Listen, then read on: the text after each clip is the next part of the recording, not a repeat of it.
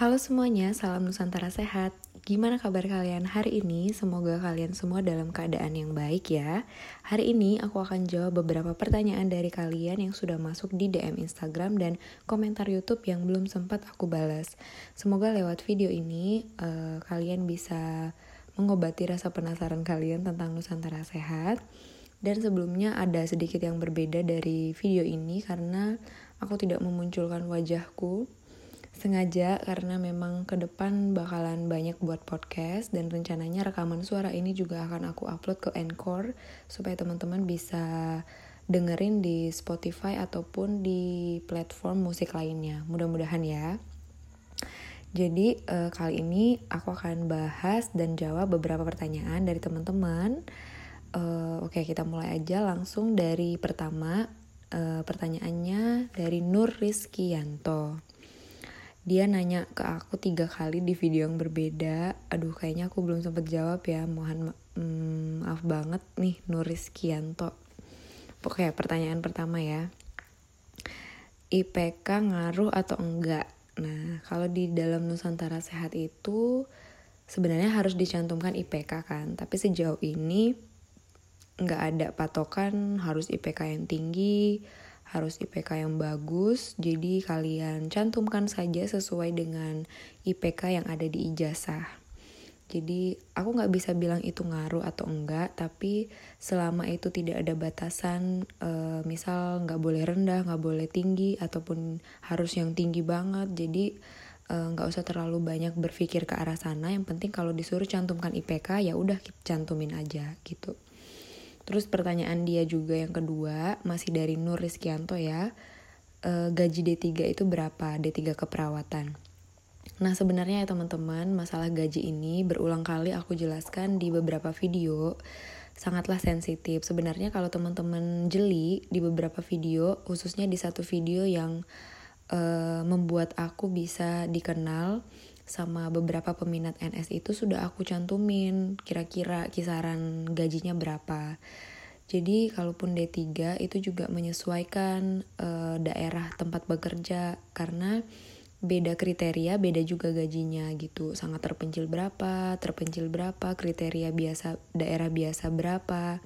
Jadi harapan aku uh, kami sih semuanya anak Nusantara Sehat itu memang tertutup soal gaji karena kan uh, memang sih kita tuh hidup butuh uang ya, tapi kalau ada pertanyaan yang seperti ini tuh buat aku kadang agak gimana gitu. Jadi pandangannya tuh langsung oh ini anak nilainya uang nih. Jadi aku nggak terlalu mau menjawab tentang gaji tapi mudah-mudahan Nur Rizkianto nggak marah ya dengan jawaban-jawaban dari aku. Mungkin Rizky boleh cari ke teman-teman Nusantara Sehat yang lain tapi kalau aku mungkin secara rinci aku nggak akan kasih tahu beberapa berapa gaji NS karena kalian akan tahu sendiri nanti ketika kalian sudah masuk di Nusantara Sehat.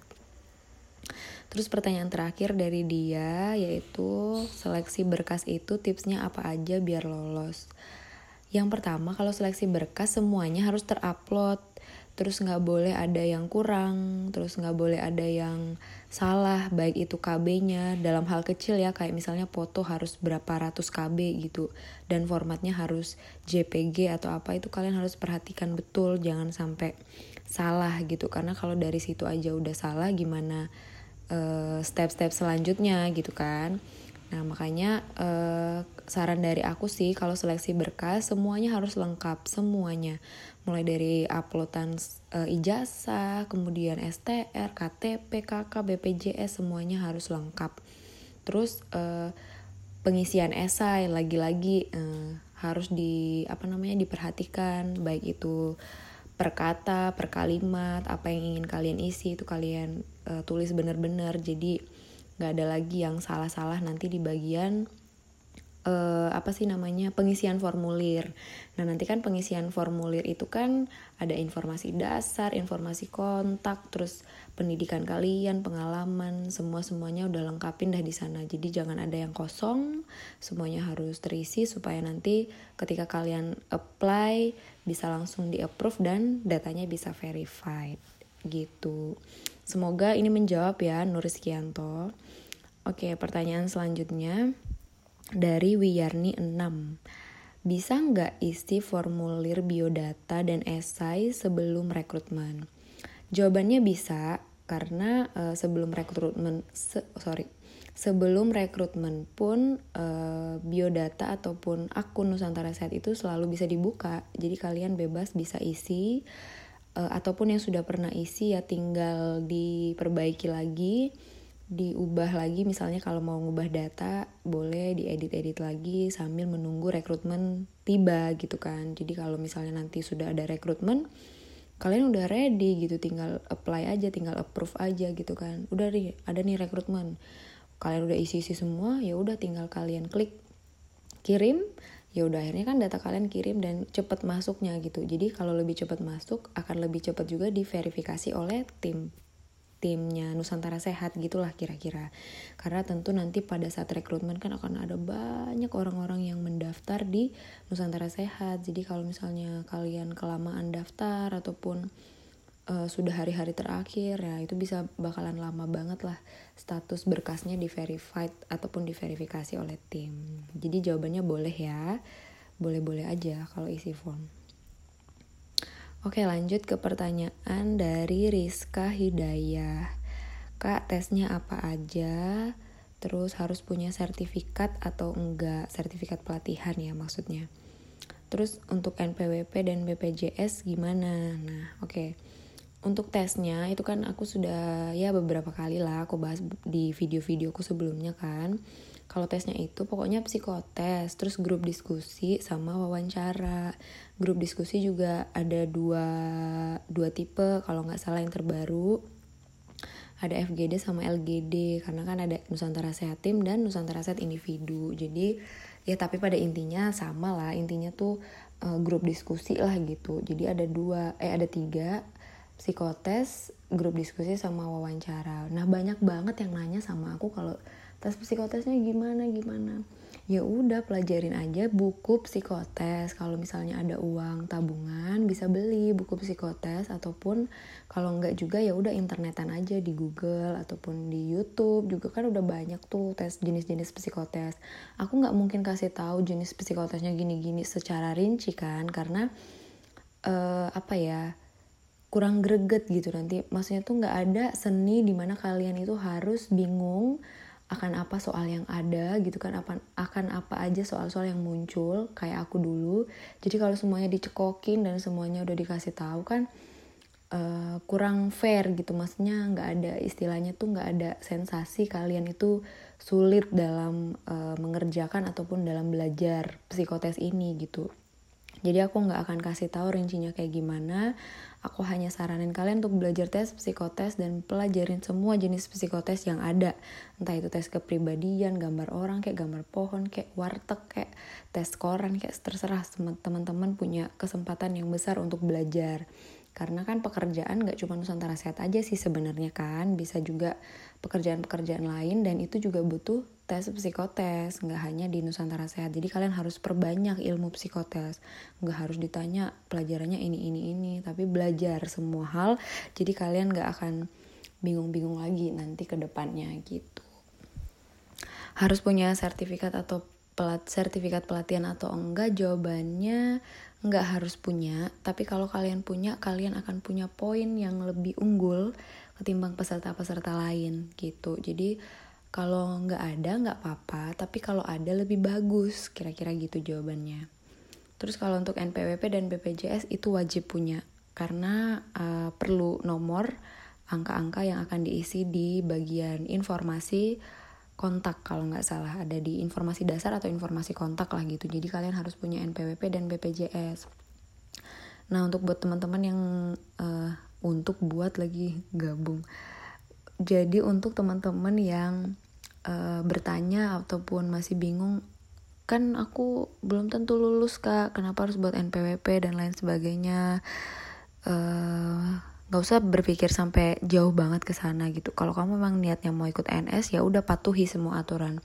Kalau harus buat NPWP ya harus buat gitu.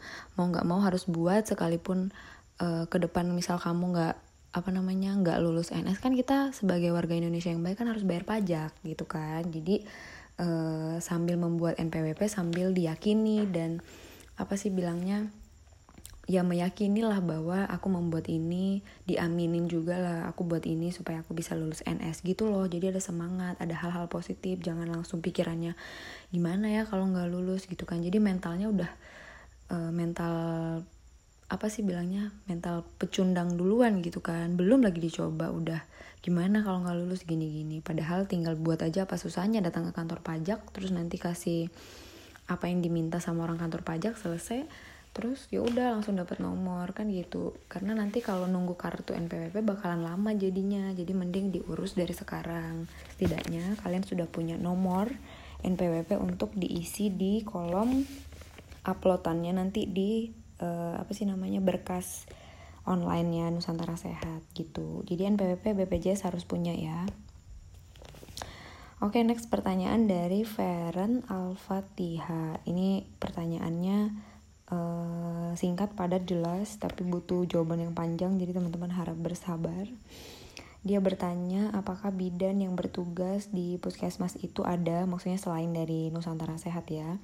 Karena kebetulan dia mungkin Feren ini mungkin baru baru tamat kuliah atau mungkin belum terlalu berpengalaman Terus dia tanya juga apakah kakak di Papua kemarin melakukan tugas bidan sendiri. Nah, oke okay, aku cerita sedikit ya, Feren.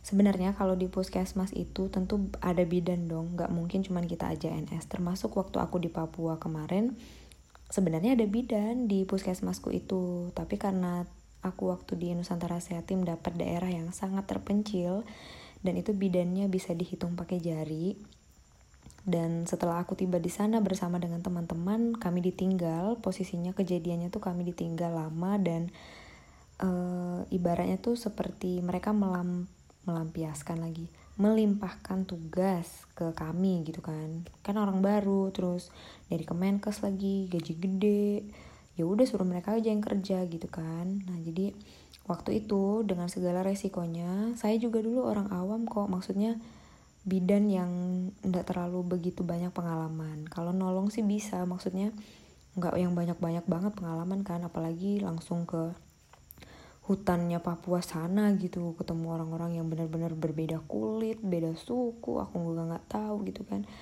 terus ditinggal lagi sama bidan senior benar-benar sendiri. Jadi aku bisa bilang bahwa dua tahun aku di sana aku adalah bidan yang mengerjakan semua pekerjaan bidan di sana sendiri. Termasuk nolong persalinan ngurus bayi balita gi, uh, termasuk gizi juga. Pokoknya banyak hal aku lakuin sendiri. Tapi jangan pernah takut. Gini loh kita tuh ya kalau udah disekolahin bidan bisa nggak bisa kita pasti bisa nolong persalinan dan pasti selalu ada jalannya Tuhan itu ngebantu kita. Jadi jangan takut duluan. Jangan langsung apa sih kecut hatinya gitu. Kayak aku kemarin ya sejujurnya aku ngerasa aku nggak mampu. Apalagi aku bidan sendiri badannya kecil di hutan nggak ada listrik nggak ada air nggak ada sinyal apa apa nggak ada semua nggak ada. Tapi Tuhan kasih jalan gitu loh. Tuhan tuh pasti selalu ngasih hal-hal uh, baik untuk orang-orang yang berniat baik juga. Kayak misalnya selama aku di sana ibu bersalin itu bisa dihitung juga pakai jari nggak terlalu banyak. Terus lebih enaknya lagi selama menolong persalinan uh, kan yang paling rawan itu kan kalau menjadi seorang bidan itu kan pada saat persalinan pasti kan. Kalau hamil kalau bayi balita itu kan nggak terlalu gimana gimana kan. Pokoknya intinya kalau yang paling rawan itu pasti di persalinan. Nah jadi uh, selama aku nolong persalinan itu sempet lah uh, terlintas kekhawatiran kalau misalnya kayak ibunya nanti entah pendarahan atau ada penyulit-penyulit lain yang aku nggak bisa tangani mana aku sendiri terus ngerujuk juga nggak mungkin dengan kondisi jalan yang seperti itu mobil nggak ada kendaraan nggak ada dan kota jarak ke kota itu jauhnya luar biasa. Jadi satu hal yang aku mau kasih tahu ke kamu bahwa kalau kita berani berbuat baik terus kita juga dekat ya dekat lah sama Tuhan terus beribadah pasti Tuhan akan bantu. Kayak aku selama dua tahun itu puji Tuhan persalinannya selalu lancar nggak pernah yang penyulit nggak pernah ada yang uh, apa sih namanya patologis nggak pernah ada yang susah-susah semuanya lancar. Dan uh, satu hal yang aku syukuri juga bahwa orang-orang kampung di sana maksudnya orang-orang yang tinggal di hutan itu punya kekuatan yang luar biasa. Jadi nggak perlu kita suruh ngeden ataupun apa mereka udah ngerti sendiri dan nggak ada hal-hal yang sulit selama aku nolong persalinan di sana. Jadi ngerasa terbantu sekali. Beda dengan masyarakat-masyarakat di perkotaan. Jujur ya karena itu aku udah ngalamin sendiri.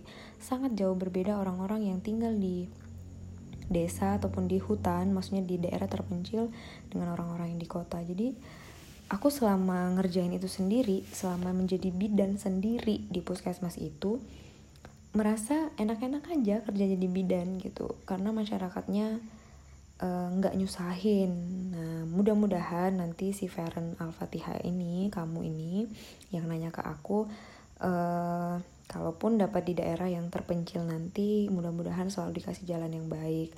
Terus siapkan mental, kuatkan diri, pelajari lagi, baik itu teori maupun prakteknya. Tapi kalau belum sempat uh, apa namanya praktek lebih banyak, ya mudah-mudahan kamu ditempatkan di puskesmas yang uh, lengkap. Maksudnya ada orang-orangnya ada bidan seniornya. Tapi yang jelas rata-rata setiap anak Nusantara Set itu walaupun bidannya sendiri pasti di puskesmas itu akan ada bidan lain. Nggak mungkin kamu sendiri di tempat itu kecuali seperti yang aku alami tadi gitu. Dan Tuhan itu juga menempatkan kita nggak main-main maksudnya nggak sembarangan kalau Tuhan boleh tempatkan aku di Papua sana dan menjadi bidan seorang diri karena dia tahu aku mampu dan aku bisa. Begitu juga dengan kamu. Kalau misalnya kamu Tuhan yakin kamu bisa sekalipun kamu ditempatkan daerah sangat terpencil dan sendiri kamu juga pasti bisa kok ngejalaninnya gitu. Tuhan tahu lah kemampuan kita jadi Tuhan tuh pasti akan menempatkan kamu di tempat yang tepat. Percaya itu. Wah panjang juga ya pertanyaannya. Eh jawabannya dari ini pertanyaannya Feren Oke pertanyaan terakhir ya dari Lia SN25 Apa aja sih kak syarat-syarat pendaftaran NS Nah pendaftaran NS ini kalian bisa lihat di websitenya Nusantara Sehat. Uh, rinciannya aku nggak bisa kasih di video ini. Rencananya aku mau buat satu video lagi tentang sistematika updatean terbaru di seleksi berkas. Mudah-mudahan dalam waktu dekat aku bisa buat. Karena beberapa hari terakhir ini aku beneran sibuk jadi belum bisa buat video yang lebih banyak buat kalian. Tapi mudah-mudahan untuk syarat pendaftaran NS ini sementara waktu kalau misalnya aku belum buat video kalian boleh lihat di websitenya NS di sana udah tertera dengan jelas lah. Pokoknya masuk aja punya nggak punya akun masuk aja di website nusantarasehat.kemkes.go.id terus nanti kalian download beberapa surat uh, apa sih namanya pemanggilan ataupun surat uh, rekrutmen Nusantara Sehat. Jadi di sana kan udah ada tuh uh, persiapan yang harus kalian punya uh, ijazah apa semua scan STR, KTP, KK, BPJS, NPWP. Pokoknya kalian lengkapi dah semua. Di situ udah ada. Untuk sementara kalian cek dulu di sana. Nanti di video selanjutnya aku akan buat sistematika updatean seleksi berkas yang tahap satu ini. Semoga sebelum rekrutmen videonya udah jadi, jadi bisa membimbing kalian untuk uh, apa sih namanya ya mengerjakan ataupun mengupload berkas-berkas yang akan kalian tempuh nanti di seleksi tahap pertama. Oke, okay, kayaknya itu dulu untuk video kali ini. Beberapa pertanyaan yang udah aku jawab. Untuk pertanyaan yang belum terjawab, uh, mudah-mudahan bisa terjawab uh, di video berikutnya ataupun aku bisa balesin DM-DM dari kalian hmm, tetap semangat terus. Pesan aku jangan bosan-bosan untuk berbuat kebaikan. Uh, teruslah menjadi orang yang berguna dengan profesi apa pun yang kita punya. Terus kalaupun nanti harapan aku uh, apa ya, ya kalian semua bisa memiliki pikiran dan mindset yang bagus untuk negeri kita ini uh, ya memang salah satunya sih program Nusantara Sehat tapi nggak selamanya eh, hal-hal uh, baik itu hanya ada di NS jadi jangan patokannya NS terus gitu kan. Kalian juga harus berkembang lihat peluang-peluang yang lain. Jadi jangan terpaku di NS tapi bukan berarti kalian juga mengabaikan.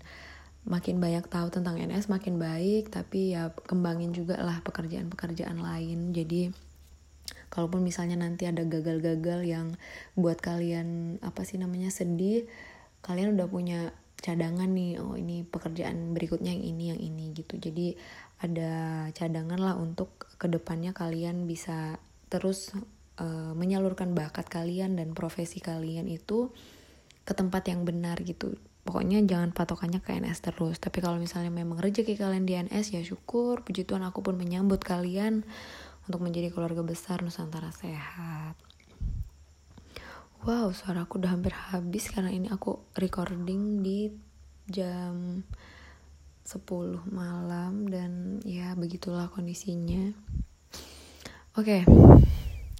terima kasih banyak buat teman-teman yang udah nonton video ini Semoga kalian selalu diberikan kesehatan dan kebahagiaan. Jangan lupa untuk selalu menyehatkan Indonesia dengan profesi kita masing-masing. Semoga kita masih bisa diberikan banyak waktu untuk saling bertemu dan saling berbagi. Uh, jangan lupa untuk terus berbuat kebaikan di sekeliling kita, untuk mengasihi bumi, untuk mencintai sesama, dan terus menjadi inspirasi bagi banyak orang. Oke, teman-teman tetap semangat yang berjuang untuk menanti rekrutmen ini tetap semangat, tetap berjuang. Jangan lupa belajar, persiapkan diri dengan baik. Sampai jumpa di video berikutnya. Dadah.